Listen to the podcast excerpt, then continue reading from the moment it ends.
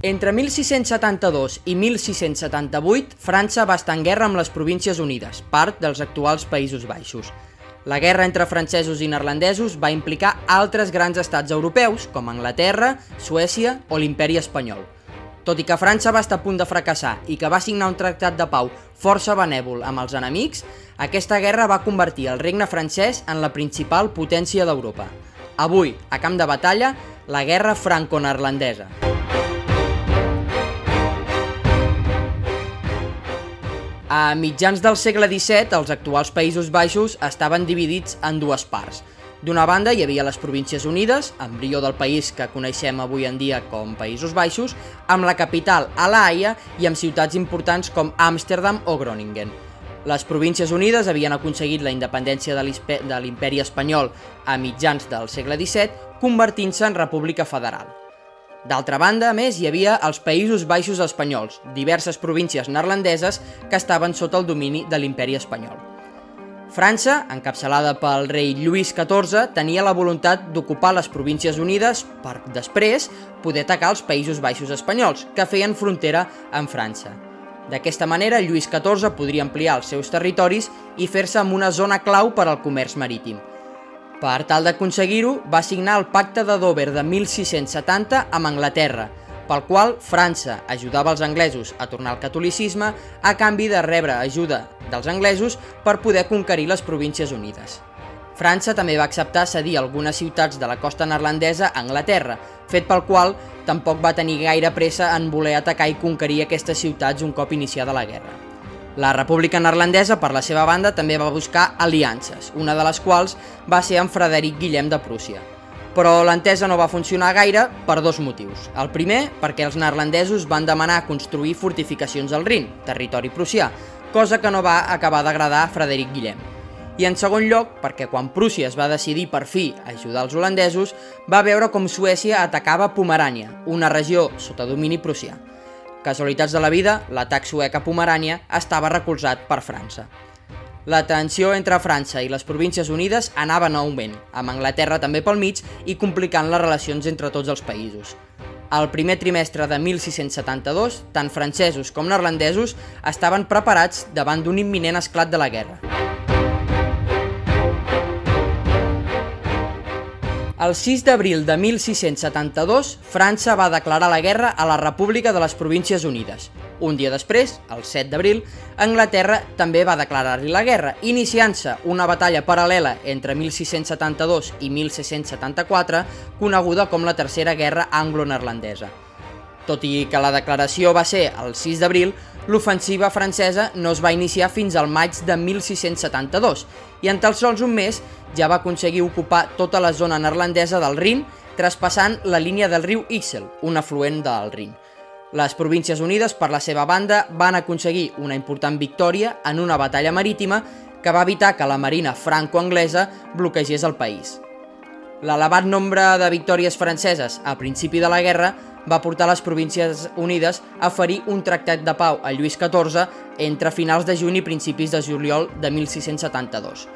Els neerlandesos signaven la pau i entregaven a França 10 milions de florins i les terres de la Generalitat, una part de les Províncies Unides on es troba Breda i Maastricht i des d'on Lluís XIV hagués pogut atacar els Països Baixos espanyols amb molta més facilitat. El rei francès, però, no va acceptar aquest tractat de pau.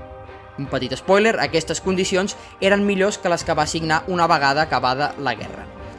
Les Províncies Unides semblaven perdudes, doncs, i van anar perdent gairebé tots els suports, menys un, els Països Baixos espanyols. Aquests devien entès que si els neerlandesos perdien la guerra, ells també estarien perduts davant d'un atac de França, així que van reforçar els exèrcits de la República.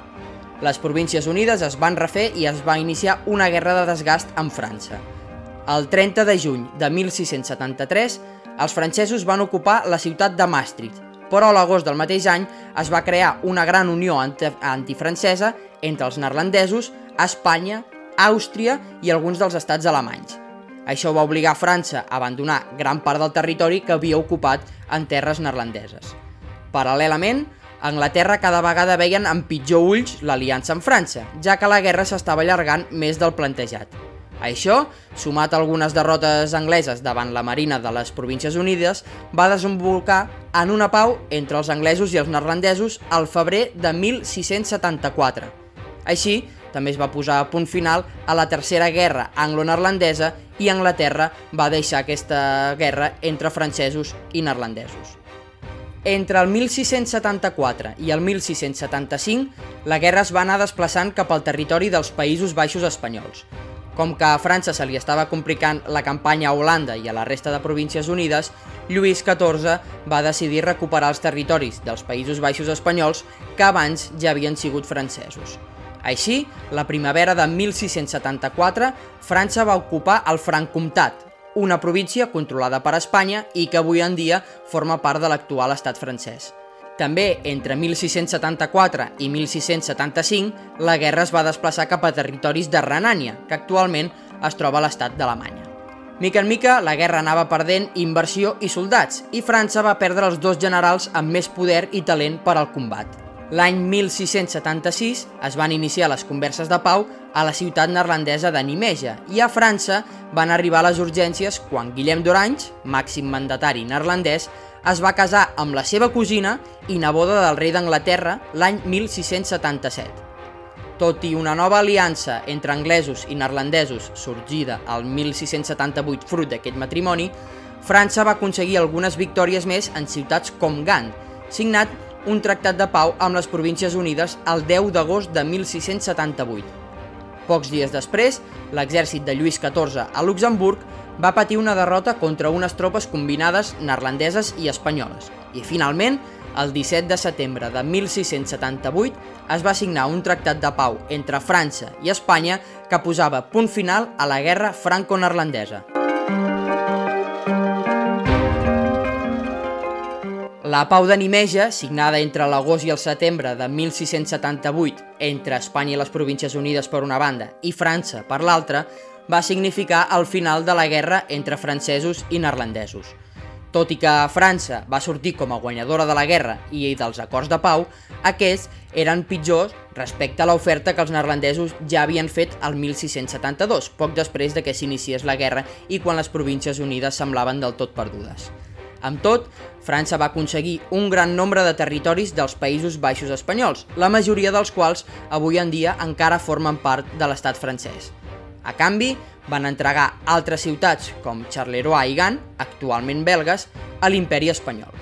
Lluís XIV va demostrar ser un gran monarca després d'haver fet front a una gran coalició antifrancesa, i alguns historiadors coincideixen en destacar que Lluís XIV es va començar a conèixer com el rei Sol després d'aquesta victòria contra les Províncies Unides. Per la seva banda, els neerlandesos es van refer del que semblava un gran desastre al 1672, a més de recuperar la ciutat de Maastricht. Les Províncies Unides van aconseguir beneficis econòmics i comercials, convertint-se en un dels estats més potents del nord d'Europa. Anys més tard, i gràcies a la unió de Guillem d'Orange amb Maria II d'Anglaterra, van arribar a liderar una gran coalició contra França, entre els quals també hi havia, a part de les Províncies Unides i Anglaterra, estats com Suècia o l'imperi romano-germànic. Les Províncies Unides van aconseguir rebutjar l'intent d'invasió de Lluís XIV de mitjans del segle XVII, però no van tenir la mateixa sort gairebé 100 anys més tard. Al 1795, en el context de les guerres revolucionàries franceses, les Províncies Unides es van convertir en un estat satèl·lit després de l'ocupació de França encapçalada per Napoleó Bonaparte.